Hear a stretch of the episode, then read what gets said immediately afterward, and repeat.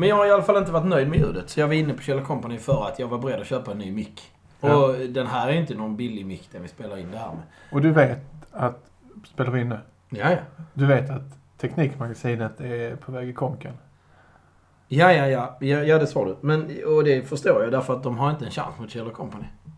Men jag Vad är det som gör dem så bra då på Kjell Company? Ja, för det första, de har, de sätter kunden i centrum och fokus. Det är deras absolut största styrka. Jag brukar använda Kjell Company som eh, exempel när jag har mina utbildningar med butikspersonal. Och då brukar jag säga så här att man ska inte kunna allt, men man ska kunna hitta informationen. För du vet inte vem som står framför dig. Det kan ju vara, det kan vara produktutvecklare av just de produkterna som Kjell. Company. Han kommer liksom dissekera säljaren om säljaren har fel. Men de använder ju sitt, eh, sitt säljmedel och det är katalogen.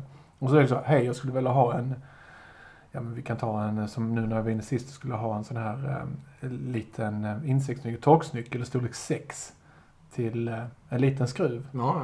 Och så frågade jag om de hade det. Så sa de, ja det har vi. Hur många variabler behöver du? Så jag behöver storlek 6. Ehm, och då tog han liksom fram den här katalogen och så, så visste han exakt var han skulle hitta den. ja. Och sen så läser han till vänder katalogen mot mig och bekräftar att är det detta du vill ha? Det är precis det jag vill ha. Bra, ett ögonblick bara. Och sen så går han ut på laget så Och hämtar han den. Så det är liksom homerun varenda gång. Och de lägger aldrig in några sådana här ja, men, enorma säljpitchar att ska du ha denna andra saken Precis också? tvärtom. Precis tvärtom. För när jag var inne med det här att jag inte är nöjd med den här micken så har jag köpt den där. Så jag gick in där för att fråga dem. Har jag köpt fel mick för det vi gör? För jag tycker inte ljudkvaliteten blir bra nog. Liksom. Jag är petig. Så jag köper den här istället. Den är en annan typ av, av... Det är egentligen en diktafon om man ska vara petnoga. Och det ska man vara. Men då eh, säger han att eh, alltså den mikrofonen du har är ju jättefin. Och så googlar han upp den på deras hemsida för att kolla vad man kan göra för inställningar på micken. Och sen har vi en lång diskussion om vad jag har gjort och hur vi använder det och vad man skulle kunna göra istället. För att han tycker att jag ska få ut så mycket som möjligt av mitt investerade kapital hos dem. Det slutar ju med att jag går därifrån utan att handla något. Och att vi ska ge den här micken en chans till. Eller att det är vi som är fumliga eller är okunniga. Men han påvisar att det du har köpt är rätt. Ja, det gjorde han ju. Han sa ju du är välkommen tillbaka om du fortfarande är missnöjd för att köpa något annat. Men eh, på det stora hela, han satte mitt behov i fokus. Han läste på och även om han inte kunde allt om den här. Och sen visade han också det här är alternativen. Och då var han väl inne på att alternativen var betydligt besvärligare och dyrare. Men jag har haft andra erfarenheter. Jag hade ju ett mobilskal som skulle vara vattentätt. Som läckte. Mm. Eh, och... Eh, Köpte du det där på Kjell Company? Ja, jag köpte på Kjell Company. Och då gick jag in med det. Och så sa jag att nu har ju min iPhone då dött. För du simmade med det? Ja, jag tog med den när jag simmar. Och sen skulle jag, jag skulle simma, eller filma en kompis som simmade för att se hans vattenläge med hans nya våtdräkt. Då dog telefonen. Så eh, då fick de skicka det här skalet till USA, där tillverkaren fanns. Och efter då lite tid så sa tillverkaren No, no, det är fel monterat.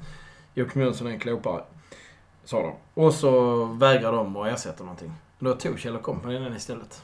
Så Kjell Company tog smällen för att eh, de tyckte liksom det vi säljer, det ska vi kunna. Alltså kunden har monterat det rätt. Det ska inte behöva lida för detta. Och så, eh, så de tog smällen.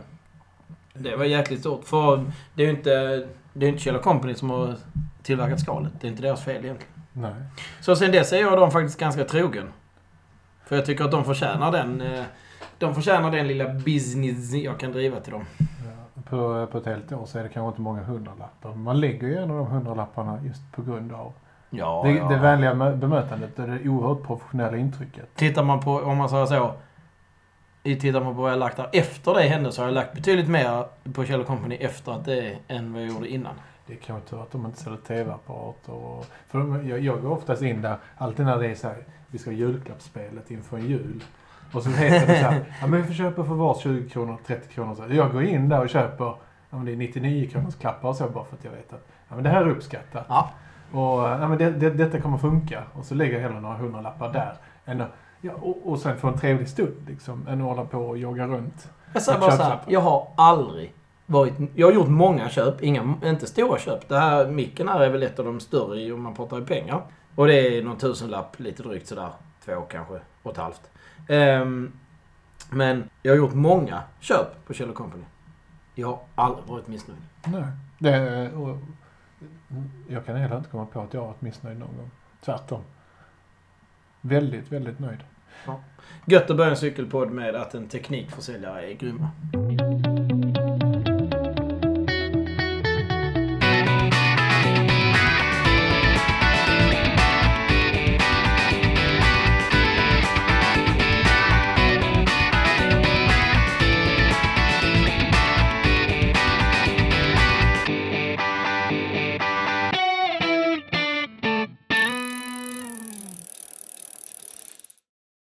Då så, eh, tillbaka till lite mer eh, bekanta trakter och prata lite cykel kanske.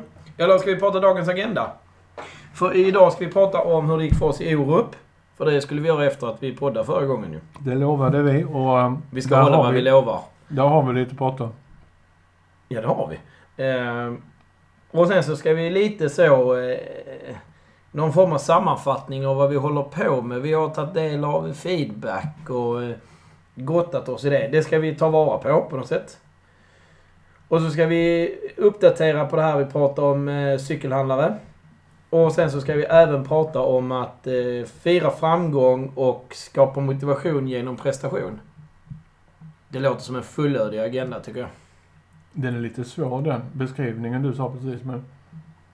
Vid den sista menar du? Ja. Nej, men vi kommer till den. Vi tar den sist så är vi varma i kläderna. Vi börjar med Orup. Det var en jävla trevlig upplevelse nu. Och det är inte han i... Det är inte sångaren i Orup vi pratar om. Nej. Vi pratar om Orup som ligger precis i utkanten av Hör. Mm, precis vid eh, det gamla sjukhuset där. Ja. Det var en trevlig upplevelse. Jag måste säga att när jag cyklade senast så vurpade jag rätt ordentligt då körde du mig till akuten. Och det hände ju maj, juni skiftet förra året, 2017. Jag har fortfarande ont i tänderna efter den vurpan för jag drog ju dem rätt ner tillsammans med pannbenet i en sten slash rot. Vi kan säga att det som hände var att du kom till en svårighet där det är lite av ett... Nej, vi får ändå kalla det ett dropp.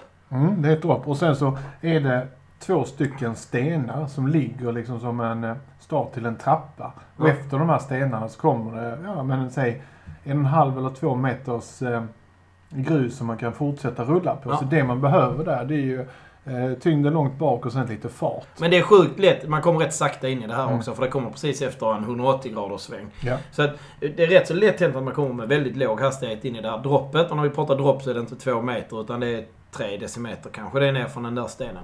Men kommer du lite långsamt in i det och har, inte har den här vikten bakåt som du säger. Så är det väldigt lätt att få all vikt över framhjulet. Och det var det som hände dig och Ja. så körde du en Superman där. Ja, men precis. Och det som hände det var ju att framhjulet vid, vid droppet när jag står med, med eh, framhjulet ner på, eh, på stenen och, och bakhjulet uppe på, på grus kan man säga. Eh, så stannar jag där vilket gör att jag slår över. Ja. Och trillar väldigt olyckligt.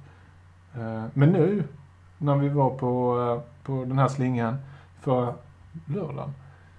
Då var det ju fantastiskt trevligt. Vilket jäkla arbete. Söndagen. Söndag. Skitsamma. Men... Eh, Vilket arbete de har lagt ner. De har Ja. gjort så jäkla bra.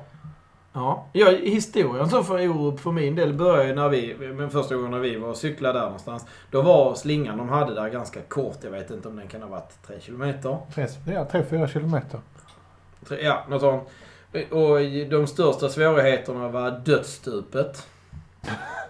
Som inte är ett dödsstup. Men där satt... Jo, jo, men där satt ju en skylt. Kommer du inte ihåg? Den är borta nu. Ja, var Men det satt en skylt där det stod så livsfarligt stup eller något sånt. Nu pratar vi, förstår ni, skånska berg. Det krävs inte så mycket för att en skåning ska vara rädd för att man ska ramla ner någonstans. Men jo, men det är en bra lutning där i alla fall. Och den var ganska så... Eh, ja, men det var en ganska enkel slinga rent tekniskt.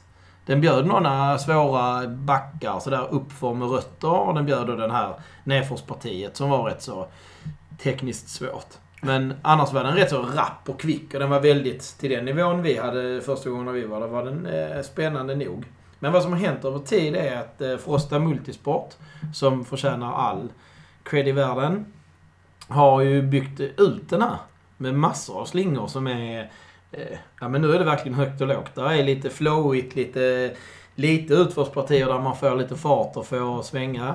Och sen är det eh, knixigt, tufft, typiskt skånskt då skulle jag vilja påstå. Där man gör så mycket man kan över en liten ås fram och tillbaka med att få några höjdmeter. Och eh, den bjuder extremt eh, mycket teknisk eh, cykling, ska jag säga. Det är nästan lite BMX-bana också stundvis. De har ju byggt de här små Ja, guppen liksom ja, ehm, i, med, ja, med skiffer eller någon form av eh, st- stenkross. Så de har byggt upp ehm, väldigt häftiga små hopp och... ehm, Och där har man varit smart och gjort en chicken line. Och chicken line är ingenting. Det är ingenting som är fult på något vis, men det är ett lättare spår. Och det ser man ju på rätt många ställen nu där man etablerar, där kommunerna eller föreningar är med och etablerar spår. Att, att man lägger ett lättare spår. Och det är för att behålla det svåra spåret svårt. Så att den som har den nivån kan cykla där. Men också göra det tillgängligt för den som inte är så bra att de klarar det tunga spåret. Så eh, det man har gjort är på de lätta partierna har man lagt till sådana här små gupp då där man kan köra istället och så går det lätta spåret sidan om. Eh, så man kan faktiskt välja vilket man vill. har de byggt upp eh, lite fler sådana här Doserade kurvor. doserade kurvor ja, också med det här eh, stenmjölet och, Ja. och stenkrossen. Och det gör ju också liksom att man inte saktar ner och bromsar in i de här kurvorna. det som har blir mycket fortare en kvick. doserad kurva Ja, det ja. i... Nu har det ju blivit Ja. betydligt kvickare så man får ut den här farten sen i löpen uppför och nerför. Så det har varit... Eh, man märker Frosta Multisport och de som, eh, de som har varit delaktiga ute har lagt ner mycket tid och energi på detta. Jo, absolut. Fantastiskt. Och, och nu skulle jag säga att alltså det är, jag sa det till dig när vi var där, så det är som ett nöjesfält den här banan. Alltså det är så sjukt roligt att cykla där. Mm. Och så jämför du med andra terränger runt om i, i Skåne. Det är fortfarande så att det är inte den naturupplevelsen i, eh, i Hör och, och runt Orup som det är i Genarp exempelvis. Men det är, det är en helt annan cykling. Och, Den är eh, mer man-made medan Genarp är mer den stora, eh, vad ska man säga, eh, naturupplevelsen. Ja. Det, det är det inte i Hör på samma sätt. Utan det är man-made. Det liknar de här, det liknar ju sånt som man köper i världscupen eller liknande. Orup Lite. liknar det som man köper i världscupen. Ja. Ja. Ja. precis. Ja. Ja. men det gör det. Och Där är hopp och så här också på sina ställen. Mm. Där är ju faktiskt där är partier på Orup som är, det kanske säger mer om min nivå än något annat här nu, men de är riktigt svåra. Ja, sådana som du och jag tränade på nu senast. Har man inte farten med sig så Och du menar backen som jag aldrig kom upp Nej, för. man kommer inte upp för. Förnedrande. Ja. Nej men så är det ju. och Det är, det är ju en grym tävlingsbana. Ja, det kan jag. Lite sådär otydlig kan jag ändå tycka på vissa ställen. Vi hade lite svårt att navigera när vi skulle, vi skulle cykla de nya sträckorna. Men ändå alltså för tillfället eh, det roligaste att cykla. Så väljer Ja. vi att eh, lägga en förmiddag så cyklar vi nog hellre Orup än någon annanstans. Ja, det utvecklar oss mest. Så är det bara. Och hur gick vår cykling där? Jo, den gick eh, bra. Vi kom hem hela denna gången. Ja, vi, vi, gjorde, vi kom hem i tid också. Ja, du fick ta tjuren vid hornen. Eh, Ja, men det är också en sån sak som är väldigt viktig för mig i alla fall. Att har jag vurpat på ett ställe så måste man, man måste klara det stället. Jag måste klara det stället för att Ja. utvecklas. Annars kommer jag bli harig precis överallt. Ja. Nej, för ja, det kommer att sprida sig. Men du sa själv också att du, eh, du hade liksom ett, eh, vad ska man säga, ett sänkt självförtroende. Eller det var lite svårare att få eh, flow. Jag vet inte, jag gillar uttrycket mojo. I Mm. att man, så när man börjar cykla mountainbike, och då menar jag inte när man börjar som nybörjare, jag menar när man börjar för, för denna gången. Och det är likadant varje gång. Och det spelar ingen roll vad jag cyklar tycker jag. Det, det är ingen, jag har inget flyt. Det är liksom det, det går emot, jag får jobba hårt och... Nej men det stämmer liksom inte. Så är det ofta i början. Och sen går det 5-10 minuter, man blir lite varm i kroppen, man börjar fungera igen på de grejerna som man eh, ska göra med att hålla balans och vikt och sådana här saker. Och helt plötsligt så funkar allting igen. Och då har man liksom sin mojo igång. Och har man inte det, nej då, då går det mot en hela tiden. Jag tycker det där är så oerhört intressant för det gäller ju även löpning egentligen. Jag tror att mycket av det styrs ju från hjärtat och, och liksom förutsättningarna vi ger oss när vi pumpar ut energi i kroppen. Så idag hade jag på min Suntklocka exempelvis satt procent av max från start. Så det var det egentligen det enda jag hade att, att kika på. Ja, på, eh, på displayen. på displayen. Och nu när vi eh, cyklade ner i Genarp så, så märkte jag direkt att så fort jag kom upp och låg på en stabil puls runt med 65-70%. Det var inte på något sätt jobbigt, men när det var stabilt där och det inte hållit på att dippa och, och rusa för mycket. Då märkte jag att skallen var klar. Skallen var klar och sen så drack jag då min energidryck. Och alltså svårigheter och så här, man såg dem tidigt, man tog ut en linje, rullade över dem istället för att försöka cykla över och, och på något sätt eh, accelerera över hinder. Utan bara mycket mojo. Fantastiskt bra. Eh, och, eh, och liksom hitta det här dragläget, det här perfekta dragläget. Mm. Ibland kan man ju kalla det tröskelläge också om man ska blanda in lite, lite fart kontra puls. Men, men perfekt dragläge liksom. Ja. Så idag låg jag runt 55-60%. Fungerar hur bra som helst. Sen hade jag i och för sig inte två jättesnabba cyklister med mig. Vi kommer till det sen, vad, vad syftet med den cykelrundan var. Eh, Men just det här att hitta flowet. Likadant inför Cykelvasan 2017 så valde vi att cykla uppifrån där vi bodde i, i Lindvallen ner Ja. till starten. Sen var det ju någon Hur långt var det då? virrpanna, ja, kan det ha varit? 10-11 kilometer kanske. Det är ju nerför så man rullar ju mycket. Ja, Just komma ut och sen så är det någon som vill dra upp tempot och tror att tävlingen börjar när man är på väg till starten. De är ju roliga. Vi har alla en sån vän. Ja, precis. Ja. Uh, nu, det är det här jag ska försöka hänga av er. Eh, Redan nu ska jag statuera exempel. det, Annars gör, kan man göra det i första backen på cykelvasan om man vill knäcka sig själv. ja, precis. Ja, det gör ju mycket i alla fall att man kommer få en bra start. ja absolut. Likadant, jag, jag, jag tror ju, eller nu vet vi ju med oss att uppvärmning är bra men liksom ehm, det är ju Men det liksom gör aldrig oftast- bra att börja, börja ett möte på jobbet och liksom försöka gasa från början. Utan man måste liksom hitta någon form av, av, av eh, dragkamp och så här innan man... Ja, det är innan svårt att gasa. lösningarna Det det kommer. Ja, Det- men det, det blir alltid bättre när man cyklar igång med något lite lättare. Så. här. Men jag, var, jag försökte faktiskt eh, cykla på lite idag. När jag var på Järvallen. För jag ville se, nu var det torrt och fint där. Det är egentligen orimligt torrt där. Alltså med tanke på hur mycket snö och sånt här det har varit den här vintern. Och det har varit blött och så vidare. Nu är det ju... Det blir ju inte torrare än så här. Det är inga surhål överhuvudtaget och ingenting som är... Allt är väldigt optimalt. Så jag dängde på där eh, Järvavallens mountainbike-slinga. Jag tror jag har ett pers på 28 minuter eller sånt där. Och idag blev det 30, lite drygt sådär. Så jag tror det snabbaste jag har gjort på denna cykeln faktiskt. Sen jag bytte cykel. Eh, och det kändes inte så bra. Men det visar ändå att det gick hyfsat fort fast det inte kändes som att det gick fort. Det är bra. Hur många varv gjorde du då? Nej, Jag cyklade ett varv där och sen cyklade jag lite annat sen Ja. istället. Det här med att cykla två varv, jag har lite... Jag får nog ha sällskap då. Jag tycker andra varvet blir alltid konstigt om man cyklar själv. Då får man, då får man gå ut för att cykla två varv. Nu hade jag cyklat ett varv fort. Och en bana som den är mycket roligare när man cyklar fort.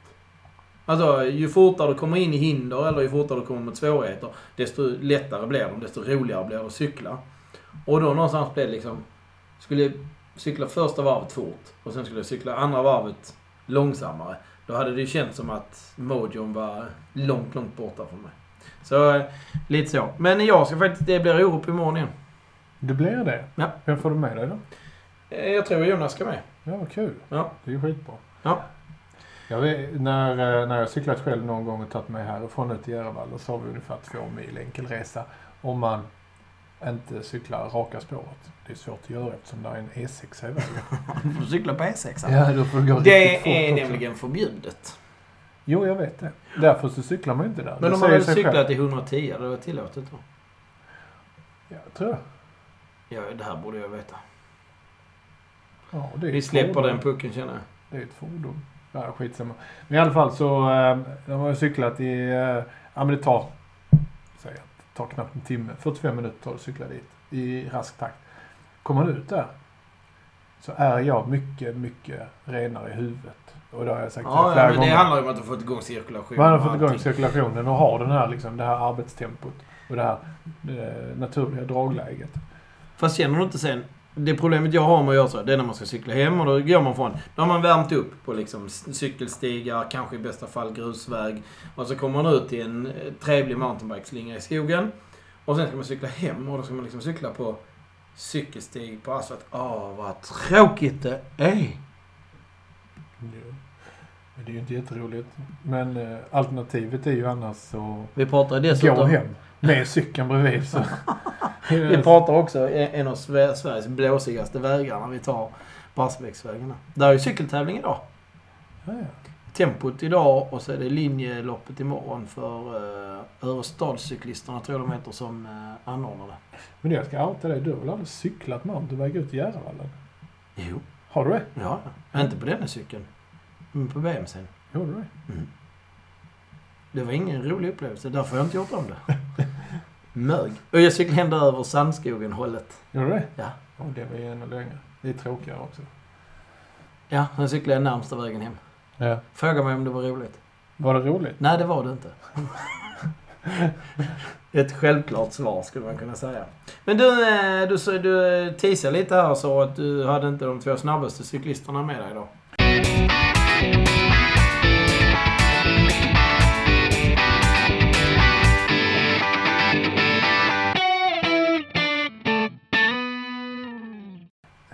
Skogscyklisterna då, Team Sunt och Mountainbike har ju liksom en, eh, en klar agenda med vad vi ska vara för alla lyssnare. Eller vad vi är för oss själva. Och det är ju Vad Vi- vi är överhuvudtaget. vad vi är överhuvudtaget. Vi är ju extremt nyfikna motionärer som tycker det är roligt att cykla. Det har ju blivit ett mantra varje helg att man försöker ställa de öppna frågorna. Vad har du tänkt dig, Sara, för denna helgen? Och väldigt sällan så har de så här direkta svar. Eh, och då, Okej, för jag tänker mig så här att jag eventuellt kommer cykla då mellan 8 och 12. Sara är alltså Mickes fru. Och den där retoriken, den, eh, den, den går ju hem. Det gör den ju. Och sen har det blivit så att eh, det här sinnet för cykling, eh, som det faktiskt är, det har ju smittat av sig. Och sen så var vi några stycken då som hittade varandra och, eh, och sen så när vi pratar om våra goda erfarenheter så är det ju andra bekanta. Till exempel min svärfar nu. Som också tyckt att fan, det är ju rätt roligt detta. Att eh, sticka ut och cykla. Så eh, idag hade jag med mig från ut i Genarp två stycken män som vi har lyckats att entusiasmera. Och det är, Frälsa. Frälsa har vi gjort. ja, och det är ju det är ju Pelle, 68 år, och eh, idag var det Erik, 66 år. Jag tycker bara det, jag tycker bara det är liksom en liten paus där och säga bara. Hur coolt är det? Att börja cykla mountainbike när man är 68 år. Erik, han började ju faktiskt cykla landsväg för många år sedan. Men Ja men Pelle Sen- har inte cyklat någonting innan Nej, nej, nej, han köpte Pelle- sin cykel. Nej, och de har ju suttit här nu på ålderns höst och sen så har de ju, de har ju aldrig varit några stilla själar utan deras Nej. motion har ju varit, har ju varit badminton måndagskvällar. Ja, ja. Ja. ja, ja men de, de är inte... Vi pratar inga, inga soffpotatisar på något vis. Men även om man liksom har spelat badminton på måndagar i 30 år så är det fortfarande inte mountainbike. Nej, det är det inte. Absolut inte. Så de har ju gått och köpt varsin cykel nu och de tyckte att det var jättebra. Och sen så, nu när vi cyklade så, eh, så höll vi pratläge mer eller mindre hela tiden. Stanna mycket, tog intryck. Eh, det var lite rötter och så här lite, eh, ja, lite bråkigheter. Eh, ja, vi cyklar över det hela tiden liksom, försöker hålla en, eh, pedagogisk anda över, över passet. Och de kom överens nu på parkeringen när vi skulle hem ifrån eh, från Genarp att de ska cykla här i skogen i Furulund tillsammans. Ja.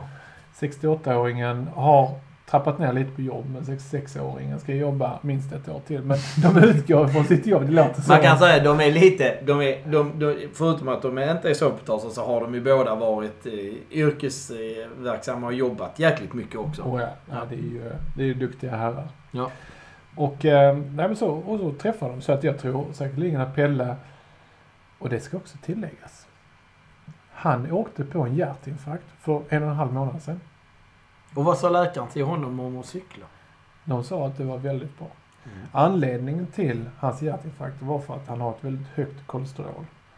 Och väldigt höga fettvärden i blodet. Heter det blodfetter? Heter det? Ja. Eh, Så detta kom från, som en blixt från ingenstans. Frågar du mig? Jag läkare Dr Jönsson. Nej, men röker inte, eh, snusar inte, eh, dricker liksom som vem som helst, ett glas vin då och då eller något liknande. Men lever ett väldigt sunt liv. Så, så åkte han på den här hjärtinfarkten. Så Påt nu, han var ju lite andfådd kan man ju lugnt säga i början av passet. Men det är du också under ett vanligt cykelpass. Absolut. Jag är definitivt... Jag menar, det, cyklar jag Orup så bjuder... Det är det, som är, det är det som är kul med mountainbike kontra landsväg tycker jag. Jag styr inte allting. Jag kommer få behöva bli trött. Cyklar man ut cyklar landsväg kan man ju bara lägga det på ett tempo. Här i alla fall. Ja. Är man i Alperna är det kanske annorlunda. Men jag kan lägga det i tempo som jag bestämmer hela tiden. Men på mountainbike blir jag naturligt tvungen att nu får jag ta i lite grann. Och nu kan jag återhämta mig lite grann. Ja men där är ju påslag utifrån. Det är ju en stressmoment eftersom du måste stanna annars åker du in i det där trädet. Ja, ja, ja. Och det, det är ju tyvärr så att de träden är ju inte så dy- dynamiska så de kommer flytta sig eller bli mjukare bara för att Jocke kommer farandes. Så det är klart att man måste man kommer tillräckligt fort kanske på man fäller dem. koppla på sinnet. Eh, I alla fall, uh, Pelle och Erik de ska ut och cykla. Fortsätter cykla tillsammans. Ta någon, cy- någon, uh, någon lunchcykling och så här. Jag hörde dem, de var jättefina. Så eh, det, är- det är kul att vi har lyckats smitta av oss. Och det, Ja. har varit, det, det är ju faktiskt eh, ett av huvudsyftena med just det vi gör. Ja. Och det drar oss ju in på det här vi pratar om. Jag kallar det för, jag kallar det för retroperspektiv. Men vi ska titta lite på oss själva. Vad är det vi har gjort med den här podden? Vad är, eh, vilken nivå lägger vi det på? Och vi... Eh, nu har jag faktiskt under, sedan senast, så satte jag mig och letade efter lite om jag kunde hitta någon som eh, sa något om, eh, om oss. Och jag hittade bland annat eh, Linus som själv är eh, en eh, idog eh, youtuber med sin eh, cykling och löpning som hade lyssnat på oss. Och eh, hans uppfattning. Och sen lägger jag ihop lite annat också. Och eh, jag tror att vi har gjort intrycket att mycket av vår podd handlar om eh, att få den som aldrig har cyklat förr eller den som kanske precis i början av sin mountainbikecykling att cykla mer eller så vidare. Och vi vill egentligen kanske inte helt och hållet vara så basic. För vi är rätt nördiga själv och cyklar, eh, har cyklat ett tag och så vidare. Och har eh, många idéer. Eh, så att eh, vi ska försöka bli lite nördigare. Det kan vi väl eh, lova. Men eh, vi säger eh, Team Sunt Mountainbike som vi är en del av. Och eh, den här podden handlar om att sprida mountainbikecyklingens lov egentligen. Alltså hur fantastiskt det är att cykla mountainbike. Och att eh, få de som redan cyklar, cykla mer. Och få de som inte har börjat cykla att komma igång. Och är de 68 år och börjar cykla så tycker jag liksom det på något sätt det är ju kanske vår förtjänst. Det är kanske inte poddens förtjänst för det handlar om att det är din svärfart till stor del.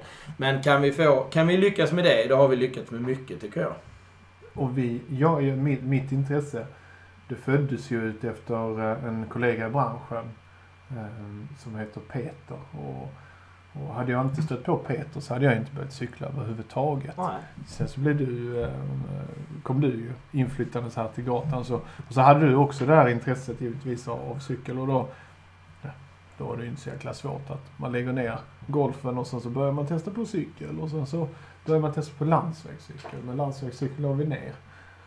Ja, är du gjorde det. Jag har bara pausat det. Jag, är- fast just som det har varit nu här, ja, men sen vi spelade in förra avsnittet fram till typ idag så har det ju blåst något sinnessjukt där. Och då är jag ju inte avundsjuk på landsvägscyklister. Det är ju svintråkigt. Men eh, jag har nog inte... Nej men högt och lågt. Vi heter skogscyklisterna. Och, Men vi har ju redan gjort ett avsnitt om löpning. Ja, och det Så kanske egentligen- vi fortsätter med. Ja men alltså liksom, det finns egentligen ingenting som inte gör att vi skulle kunna ha en bredd på den här podden. Nej, absolut inte. Egentligen, löpning är jag ju betydligt mer bekant med än vad jag är med cykel. Och du har utövat det mer menar du då? Och jag absolut. Och Mm. jobbat med det också. Men i detta då, så någonstans vad vi vill landa i, när vi sitter och svamlar nu, är att vi vill ha, eh, nu har jag letat efter, och det är helt underbart att eh, läsa folk som har lyssnat på oss. Och eh, bra eller dåligt, någonstans är det gött att läsa det som är konstruktivt också. Så vi vill veta om vi gör något fel. Men eh, vi vill gärna veta mer vad ni vill höra. Vi vill kunna anpassa det. För vi är så pass... Eh, eh, jag skulle säga att vi är så pass nördiga, så pass eh, löjligt ambitiösa att det, det mesta intresserar oss faktiskt. Sen har vi ju ett, eh, vi, vi förhåller oss till, ett, till en agenda men vi har inget manus. Nej. Vi, eh, vi arbetar ut efter magkänsla och intryck under veckan och, och sen givetvis återkoppling från väldigt många som har hört av sig. Nej, men alltså, nu är det så. Skulle det komma en storm av eh, åsikter så skulle det påverka vår agenda. Så kan man säga.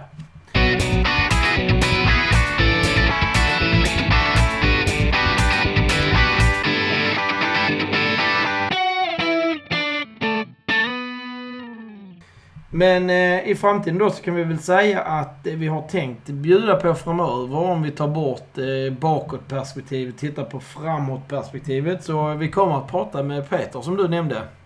Ja. I form av hans lilla team. Team RMI. Rätt mental inställning. Visst står det för det? Ja. Tillsammans med en annan grym kille som heter Martin Lundblad. Ja, just det. De har lite roliga saker på gång som eh, Beskidi och sånt där där de ska cykla tapplopp. Men de, de är nästan multisportare om man ser på vad de gör faktiskt. Mm. Det är två härliga herrar som har mycket energi så det känns som att det avsnittet kommer bli långt. Ja, det ska, de ska vi prata med. Det får bli hur långt det vill. Mm. Eh, och sen så är, vi, är det en sak som vi är sugna på där vi känner att vi har ett litet tillkortakommande. För det är ju så att båda vi två är män. Och eh, vi skulle gärna se att den här sporten lämnar lite mer plats för tjejer och kvinnor än vad den eh, gör. För eh, jag tror stenhårt på att när alla får plats i sporten så blir den större. Och de sporter som har en eh, eh jämställd eh, situation där den kvinnliga delen av sporten är lika bra och lika mycket, lika högt värderad som den manliga. Det är de som är mest framgångsrika. Så jag skulle gärna säga, och jag menar mountainbike, ganska så om vi tittar på spets då istället för bredd. Vi står ju för bredden. Men om vi tittar på spets så har ju faktiskt Sverige varit mycket bättre på eh, damsidan, eller tjejsidan, eller kvinnosidan, än vad vi har varit på här sidan. Mm. Vad är din magkänsla? Varför är det på det viset inom cykelsporten? Jag vet Eller inte. mountainbike? Alltså du menar varför tjejerna är mer framgångsrika? Mm. Bra fråga. För konkurrensen är liksom inte mindre. Det är inte lättare att slå igenom som... eh, Alltså Jenny Rissved har inte haft en lättare väg än en motsvarande kille har haft. Nej, och det är inte så att nivån är generellt dålig. Det är inte som innebandy när den startade. Att tennislandslaget spöade innebandylandslaget heller. det är så sjukt. Nej, så är det verkligen inte. Ehm, och sen liksom på... Det finns massor av nivåer på mountainbike. Tittar vi på eh, långlopps. Vi har Jenny Stenhag som har vunnit eh, Cykelvasan ett par gånger. Och hon är ju liksom... Hon är också på världsnivå när man kommer till maratondistans då, som det heter. Men längre långlopp. Så att... Eh, och där är inte heller... Ja men tjejerna är duktiga där. Men vi skulle, om vi då pratar om vad vi är ute efter med det här tillkortakommandet, vad vi skulle vilja göra åt det. Så är det att vi, eh, vi pratar om att få alla att delta och få fler att intressera sig för den här sporten. Och eh, då tror vi liksom att eh, ett team som vi är med sex stycken herrar, vi har ju uppenbarligen ett problem. Och det är att vi kanske inte är så lätt för tjejer att relatera till sex stycken medelålders män i Lycra. Nej, kanske. Jag tror i och för sig att det är lite naivt av dig. Ja men, ja, men då om, eh, om det är att vara naiv och att tro lite mindre om sig själv så är det helt okej med mig att vara naiv. Ja. Ja. Ja, eller cyniskt då kanske. Förlåt. men eh, så därför. Eh, och när jag kollar i eh, feedback vi har fått så har den varit uteslutande från män. Ja. Och jag kan inte säga, tyvärr har jag ingen uppdelning på den statistik vi får på det här. Hur lyssnarna är fördelade i ålder eller kön eller etnicitet och sådär. Det, det ser jag inget av. Men ja, det hade varit roligt att veta om vi ens har kvinnliga lyssnare. Skicka en tumme upp eller eh, någon, någon form av asterisk så att vi vet att ni lever där ute. Ja, eller det går också bara att skriva jag lyssnar på er. Ni är bäst i hela världen. Det går bara att skriva. Ja. Eller ni suger, ni suger rätt hårt men jag lyssnar ändå. Var ärliga åtminstone. Ja, ja men... Och vi vill nog göra något mer med det här. Vi ska ta lite hjälp av... Eh, vi har ändå ett systerteam lite grann sådär i eh, Single Track Sisters. Mm. Så där tänker vi också att vi ska försöka göra någonting.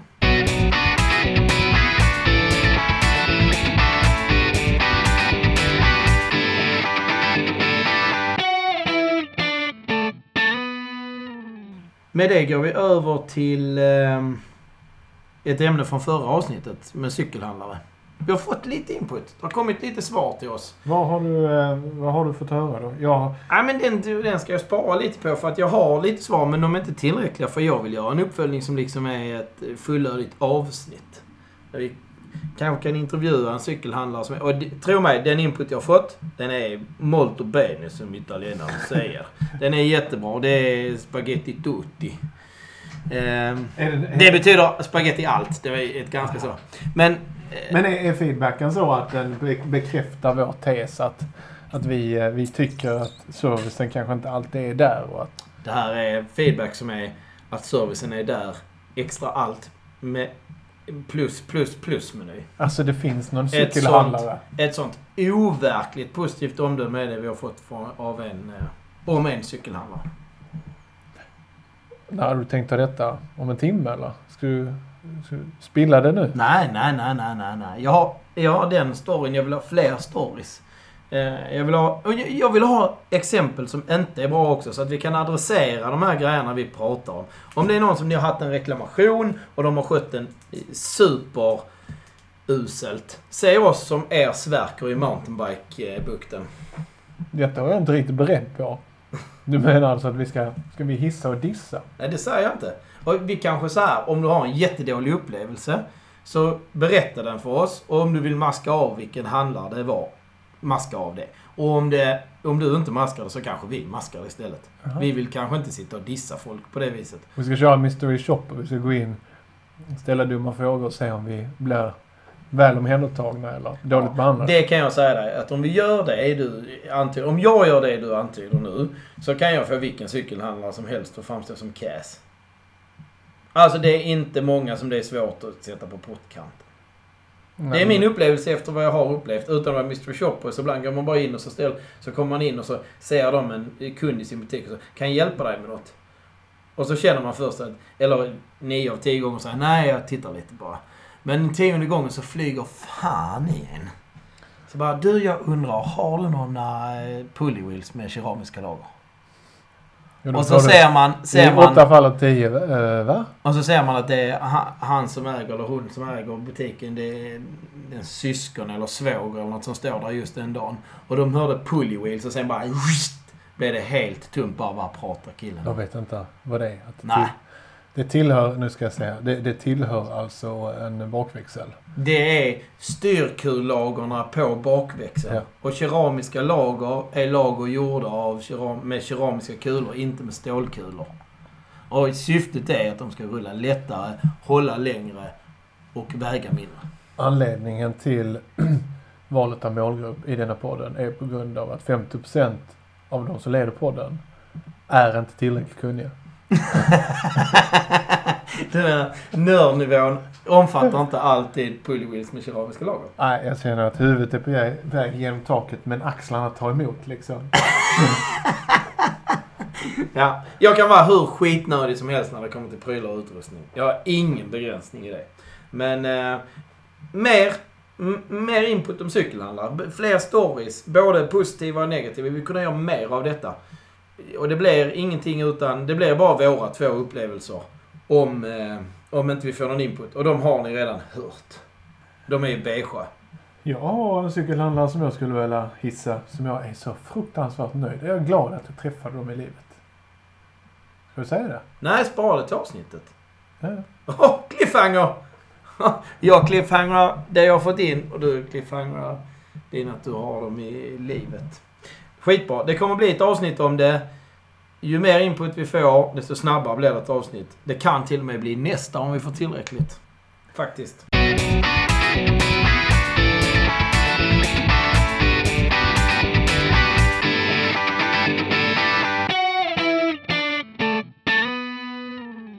Fortsätt. Du är moderator. Ja, ja, ja. Vi är klara med den punkten också. Vi, har, vi, vi går nu till detta avsnittets huvudpunkt. Det är mycket bipunkter denna gången. Det gör ingenting. Men vi behöver ju feedback. Ja, ja, ja, ja, ja. Vi behöver definitivt till detta.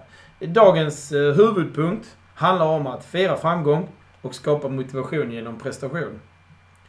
Nu blev det är lite skitnödig eh, Men du, rubrik. du skulle kunna eh, stapla ner den här, den här inledningen, den här beskrivningen. Syftet med Vi den... måste ha en rubrik. Ja.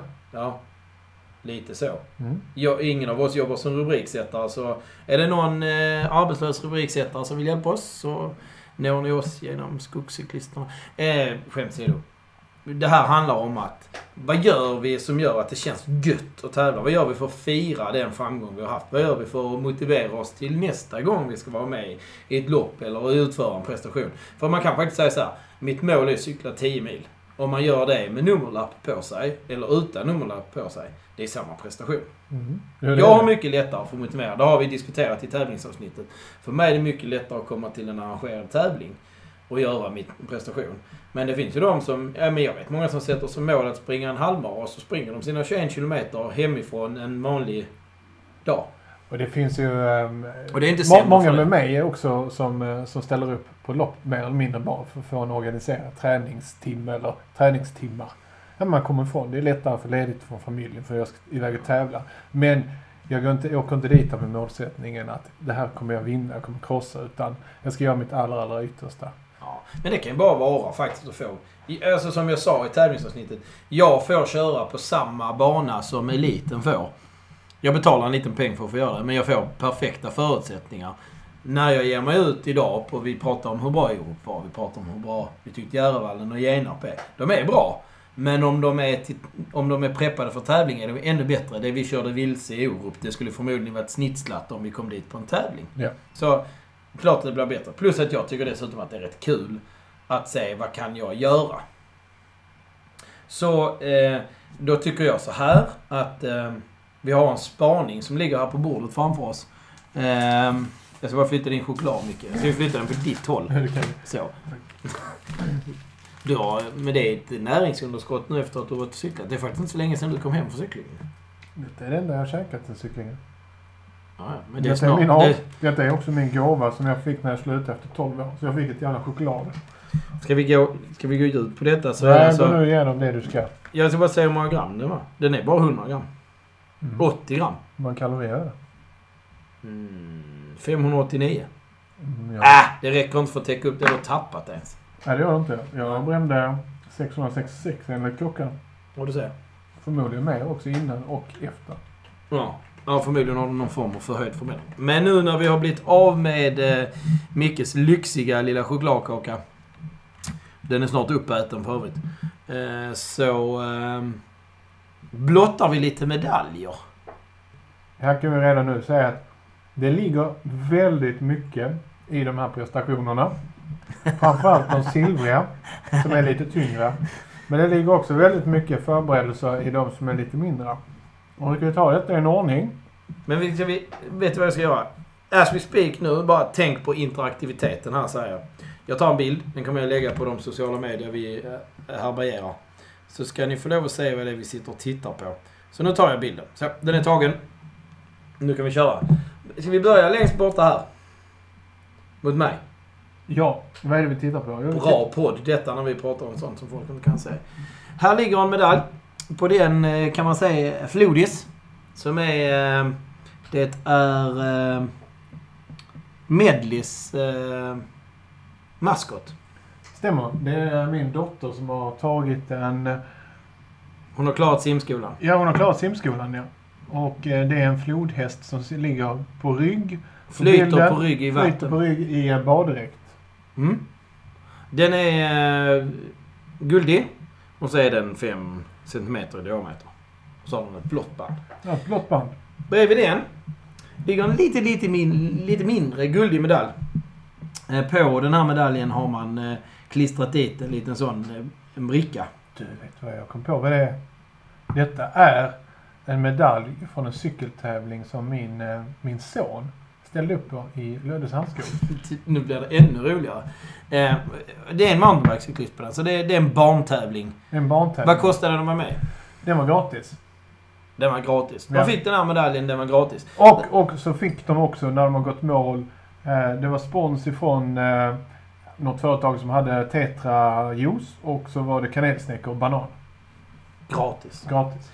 Eh, Den har blågult band, ni vet så här snyggt som de har svenska. Så. Bredvid den ligger en identisk i storlek. Men lite snyggare för den är relifierad. Alltså den är inte, det är inte en klisterlapp utan Den är det är in, stansad. ingjutet. Det är från Cykelvasan 2017. Den är din Micke. Men vi hade jättesvårt att identifiera vad som var vad. Hade denna medaljen från Cykelvasan varit Legat upp och ner. upp och ner.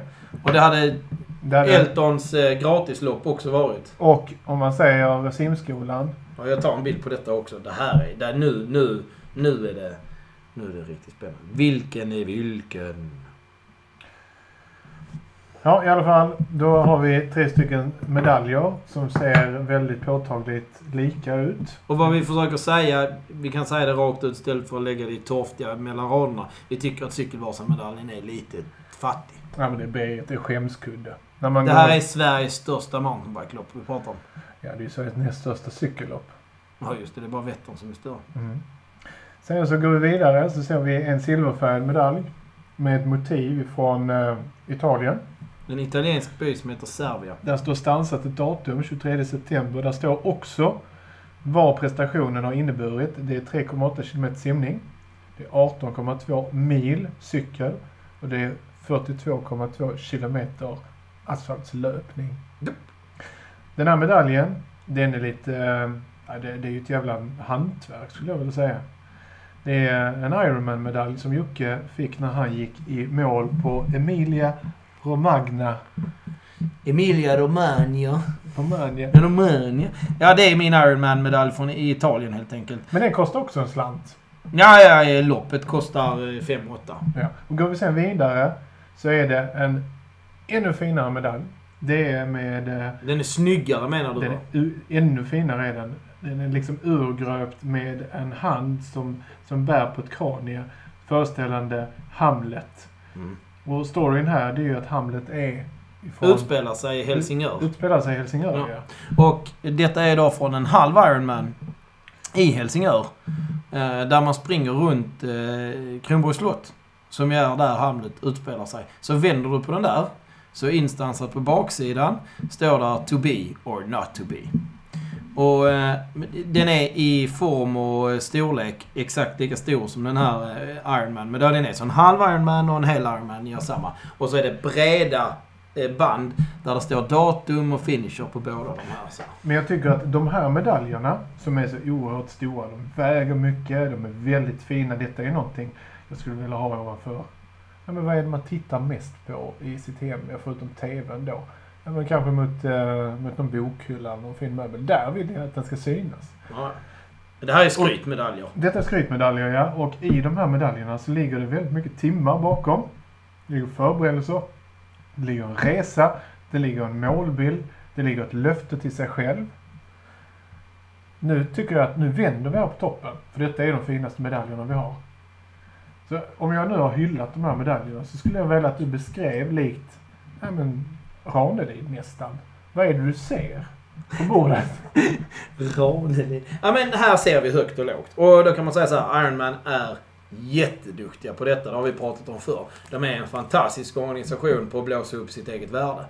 Och de gör sig också värda mycket mer. Självklart är de här medaljerna eh, vansinnigt värdefulla för mig på ett helt annat sätt än, äh, än äh, egentligen själva medaljen. Därför att det är min prestation. Och jag kan säga så här, jag har inte dem hängande framme. Eh, jag har dem liggande eh, i en låda. Och eh, när du liksom så läser och beskriver den här Ironman så blir det lite så, det blir lite gåshud för mig. Eh, för att det går tillbaka till den här prestationen. Och det är så många grejer i, ingredienser i hur Ironman gör sin organisation.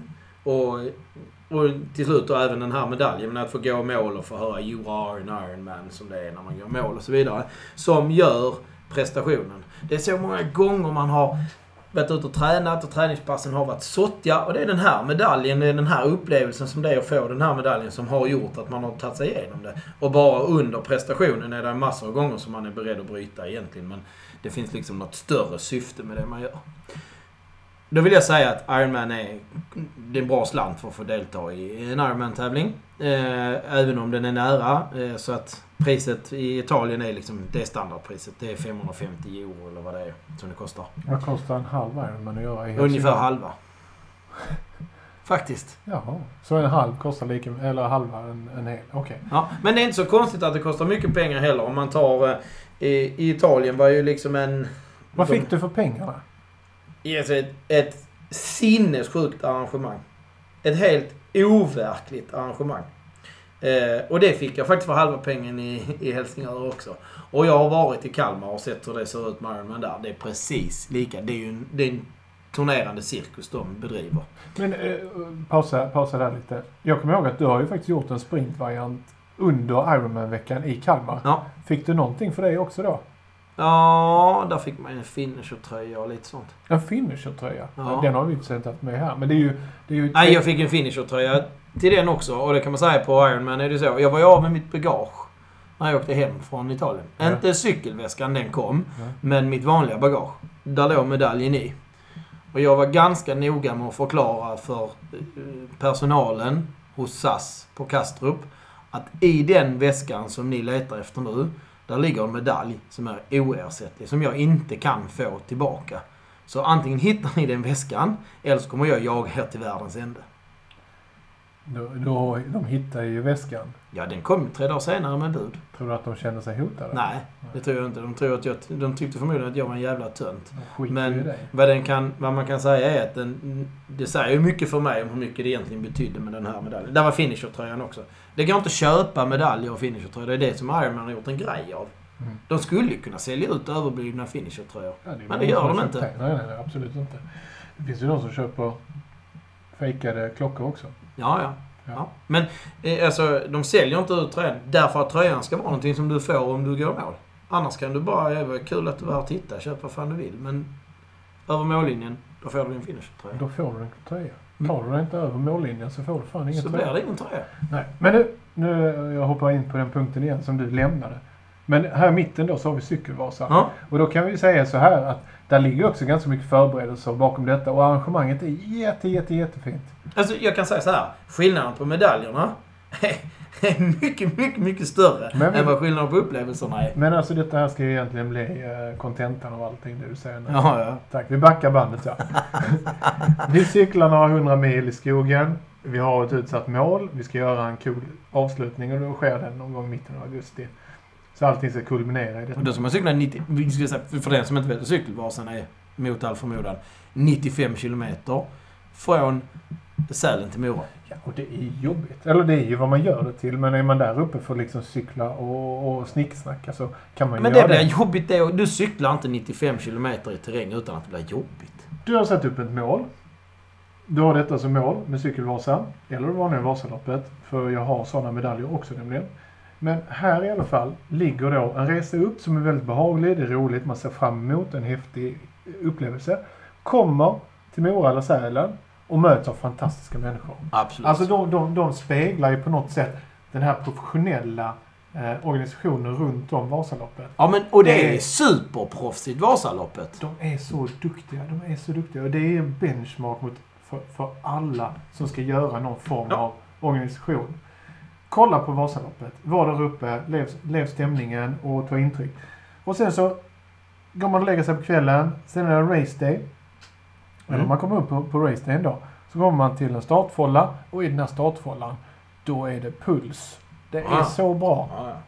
Och det, det är välordnat. Det, det, de här bussarna som går mellan Sälen och Mora de här dagarna för att transportera tävlande på olika håll och olika sätt. Det är ju... Alltså det är så välordnat maskineri. Det är imponerande är det. Banka inte i bordet Jocke. Det kommer att höras. Men du menar att vårt förra avsnitt var ett sånt här... Lät som någon gängade i rummet bredvid. ja, i alla fall. Oroväckande. Men vi tar oss vidare. Det gör vi. Och ditt intryck då när du står i startfållan. Och sen så börjar du cykla. Längs med vägen. Vad är det du ser? Vad är det du upplever? Fortfarande ett välordnat maskineri. Det är väldigt välordnat. Det är precis lika välordnat som Vasaloppet på skidor är. Det är depåer som är välfyllda, det finns hjälp att få med service på sin cykel. Det finns funktionärer längs med liksom 95 km cykelsträcka. Det är liksom, man känner sig aldrig utlämnad eller ensam. Det jag skulle säga att det är, det är på par med vad jag kände när jag var i Italien. Det är ju ett jävla fint eh, eh, betyg. Är det ju. Jag skulle vilja säga att där är en funktionär. Där är säkert en eller två funktionärer var 500 meter på cykelvasan. Ja, lätt. Ja, så, så pass Lätt. bra är det. Och sen så när man börjar rulla in då. Eh, ju närmare Mora man kommer, desto mer folk är det givetvis. Ja, publik. Ja, ja precis. Men det är ju också vid, vid typ... Eh, vad ska vi kalla dem då? Vad heter de? Stugorna eller de här depåerna Ja. eller vad det är. Där är ju också publik. Ja, visst är det det. Det är för att De klassiska och så. från Vasaloppet Ja. såklart. Och så tar vi oss in och, eh, och till slut då efter någon timme kommer vi i mål. Och så möts vi av eh, ehm, Ja, det brukar vara Vacki va? Ja, precis. Men det är en stämning. Alltså, det är en helt... eh, Det är Sveriges bästa kommentator. Ja, han är topp i alla fall. Så kommer man in där längs med rakan, kör förbi Sågade du klocktornet. Vacki precis? Sver- Du sa Sver- Sveriges främsta. Du, Sveriges bästa sa jag. Men har du en lista då som du kan backa upp detta? Har du fem stycken som du skulle kunna säga de här är precis under Vacki? Ja. Okej. Och Eh, det säger att man kan väga in olika saker. Men om vi nu pratar eh, som kommentator av idrott för att du ser idrotten för att det är en spännande match. Då kanske han inte är överlägset bäst. Men han kör etapper på Eurosport på de stora etapploppen. Där han är i sändning i fyra timmar. Han gör det underhållande. är han bättre än Göran Zachrisson? I, ja, Zachrisson är överskattad. Eh, nej. Jo, där ligger grinen som en kotlett. L- Lasse Granqvist. Är med på to- i topp. Han är med i topp. ja. Men Lasse Granqvist hade Lasse Granqvist varit en lika bra speaker. Det hade han säkert varit. Nej, Jag tycker Vacke är grym. Skitsamma, vi släpper den där. Ja, det är skit. Eh, Och sen så går det mål och sen så får man då sin mjölk och den är så fantastisk. Sen kommer det någon och hänger över, eh, hänger på en, en medalj och så kikar man på den här medaljen. Och det är det vi ser framför oss nu. Han blir liksom tom. Jag blir det i alla fall. Nu känns det Ja, det- väldigt otacksamt. Får Men, jag välja på den och mjölken tar jag mjölken. Absolut. Eller eh, någonting annat vägen. Banan hade också varit fint. Vad fan som helst. De som tycker det här är roligast att titta på, det är mina barn. Framförallt den yngsta då som är knappt två år. Hon tycker att det är skitroligt. Men jag kan inte säga så här, åh kolla, kolla så vacker medalj, vad fin den är. Det är skämskudde på detta Ja men om din tvååring tar din cykelvasan-medalj och så börjar hon stoppa leka med den. Liksom, vilken känsla har du då? Ta det. Ja, ja, det gör mig ingenting om den... Om och den vad tror du händer om en tvååring leker med min Ironman-medalj? nej, men det, Nej, nej, nej, nej, nej. Ja. Den, den, så. Du, ta den här istället. Ta min cykelvasan-medalj istället. Den kan du leka med. Ska vi koka ner, i detta, koka ner detta någonstans så är det ju någonting vi skulle vilja skicka med till eh, arrangören. Att för helvete. Ja, fast jag vill skicka med det till alla arrangörer överhuvudtaget. För Stavy Trail till exempel gjorde en jättesnygg eh, jubileumsmedalj. Mm. Kommer den här i trä? Ja, ja. Vi pratade om den då. Sjukt snygg! Och eh, Anna själv tyckte i intervjun jag gjorde med henne att det var lite skämskudde på deras medalj för de tyckte inte den var bra. Den är precis lika bra som cykelvasan. Och slutordet här nu för alla som ska på något sätt organisera en tävling men ge bort någon form av minnesplakett.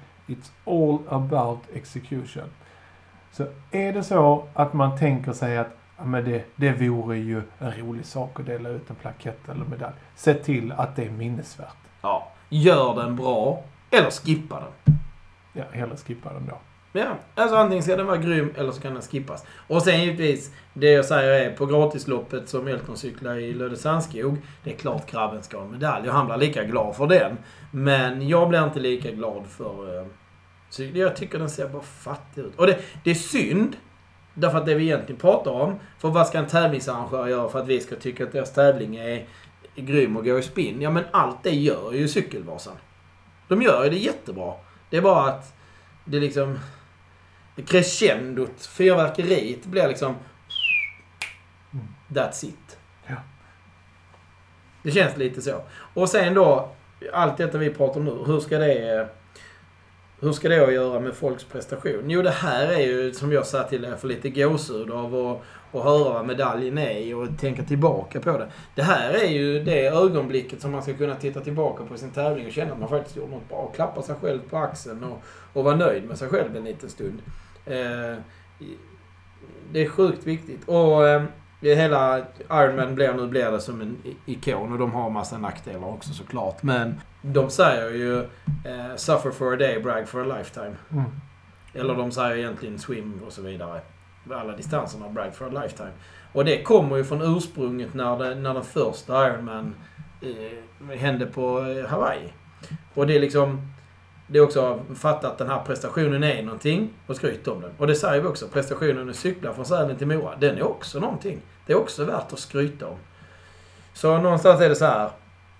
Eh, Jag funderar faktiskt på, eller jag har sagt det, ska jag nu sa att de här medaljerna ligger i, eh, i lådan bara. Men eh, tanken var att göra en skrytvägg. Sätta upp lite så här, typ nummerlappen och de fina medaljerna. Rama in det. Ja, typ så. Och det tycker jag man kan göra. Det motiverar en att fortsätta och jag är stolt över det där. Det är ingen tvekan om det. Men vad skulle en tävlingsarrangör kunna göra mer än det vi redan har sagt för att du skulle tycka att de var eh, exceptionellt bra? Vad skulle en tävlingsarrangör kunna göra för att göra någonting oväntat bra? Följa upp. Det är också en sån fantastisk sak som eh, väldigt få gör. Men Vasaloppet gör det. Men följ upp prestation. Det kanske är så att man behöver en påminnelse ibland att det är inte här resan tar slut utan eh, detta är en del av eh, långvarigt tränande, tävlande. Vi kommer lite tillbaka faktiskt till eh, eh, Omni-tänket som vi pratade om på retail. Att sätta mig i, i centrum så är jag beredd att göra vad, köpa vad som helst av dig. Och ja, Det blir lite grann detta också. Sätt min prestation i centrum. Skicka det här med bilder. Det kör också eh, Stavy Trail får lite reklam till. De hade ju fotografer som var ute och fotograferade. Bilderna var gratis. De ingick i startavgiften. Jag kommer ihåg en gång när jag sprang, eller jag har sprungit den många gånger, men Stockholm halvmaraton. Den feedbacken jag fick från dem, det var ju att eh, eftersom jag inte hade köpt mina, mina racefotos efter tävlingen och jag köpte den inte veckan efter eller två veckor efter så, fortsatte de ligga på att nu måste du köpa fötterna. Så jag tror jag fick säkert fem eller sex stycken påminnelser om att de ville att jag skulle köpa fötterna. Ja. Och hade jag velat köpa fötterna, när tror du jag hade köpt dem då? Direkt efter. Ja. Men jag har nog fått 10 påminnelser från Ironman. Jag blev, där var fotografer. Sen är inte jag nöjd med bilderna. Det kan handla lika mycket om mig själv som det handlar om fotografen. Men eh, jag tyckte inte bilderna var bra. Jag har en bild, den bilden jag ville ha när jag går i mål, den har jag tagen av mina föräldrar som stod på mållinjen. Ehm, så jag har inte heller, men de också. Ja, men de skulle, kör du vilja ha det, skulle du vilja ha det som, som feedback eller som kommunikation från arrangören då? Nej, det är inte bara erbjuda dem att köpa prylar utan du kanske vill ha någonting annat. Ja. Ligger, jag- du, ligger du för oss, vad kan vi göra? Vill, vill du ha en startplats nästa tävling? Ja, har du väl anmält dig till Ironman så är du inne i deras snurra. Jag får väldigt mycket att nu är det sista dagen för att anmäla sig till detta. Eller det finns platser kvar till detta evenemanget. De är, och de gör det rätt snyggt. Men de är ju... eh, De är kommersiella. De är kommersiella och de är som en igel. Så är man lite... Jag tål rätt mycket. Om man är lite mer lättkränkt i vilken reklam man får i sin inbox så, eh, så är de rätt dryga. Är, Där kunde de backat hem lite. Men sen är de också såna, om du ska anmäla dig till något av de här, så det, det går ju fullt ganska fort. Så... Eh, ehm, jag vet inte. Där är ju inte platser kvar till någonting liksom längre. nej, det är det inte till Cykelvasan heller. Nej. Nej men alltså Cykelvasan gör allt rätt. I väldigt många, alltså som tävlingsarrangör gör de grejer väldigt bra. Det är bara medaljen som liksom inte matchar. Det blir lite konstigt. Ska vi eh, stänga den här kistan? Vi stänger medaljkistan och är därmed fira framgång som vi pratar om. Och eh, säger att det är väl nästan slut för idag. Men Den här timmen går fort. Ja, det är en dryg timme. Ändå. Inte dryg som är dryg och, och haverera, utan det, det är lite mer än en timme. Men den är slut för denna gången. Nästa avsnitt... Ska vi säga, ska vi säga redan nu att det kommer kanske dröja lite? Ja, det gör det. Vi har lite eh, jobb och lite annat framför Att du oss. ska ut och fara. Ja. ja, det ska jag. Det också. Jag ska ut och fara. Sen skulle vi vilja... Det här med cykelhandlare längtar jag till. Och få prata lite till om det. Ja, vi kan kanske... Det kanske blir så om jag får bra grejer att jag kan förbereda ett avsnitt med typ så intervjuer eller vad vi nu eh, behöver. Mm. Eh, så att det kan komma. Men allra senast, i allra sämsta fall, så kommer vi att vara tillbaka, skulle jag säga, den 29 april. 29 april, okej. Det är två veckor dit. Ja. För då har vi premiärat X-Cup. Ja, det måste vi prata om. Vi kommer göra någonting därifrån. Och sen så eh, har vi ju också H12 framför oss. Och för er som Ja. inte vet vad H12 är så kommer ni få höra det då. Ha! Vi, vi gör så här. Det, det kan bli ett avsnitt innan, men troligtvis inte. Eh, men vi kommer att prata om X-Cup och vi kommer att prata om H12. Och det ena blir vad som har hänt och det andra blir vad som hända skall. Mycket bra. Glöm inte att höra av er till oss. Vi vill veta allt. Eh, Ja. Både högt och lågt, positivt och negativt. Och framförallt, prata för era cykelhandlare eller vilka krav ni ställer på cykelhandlare. Ha det gött! Tjena, Cykla hej. lugnt!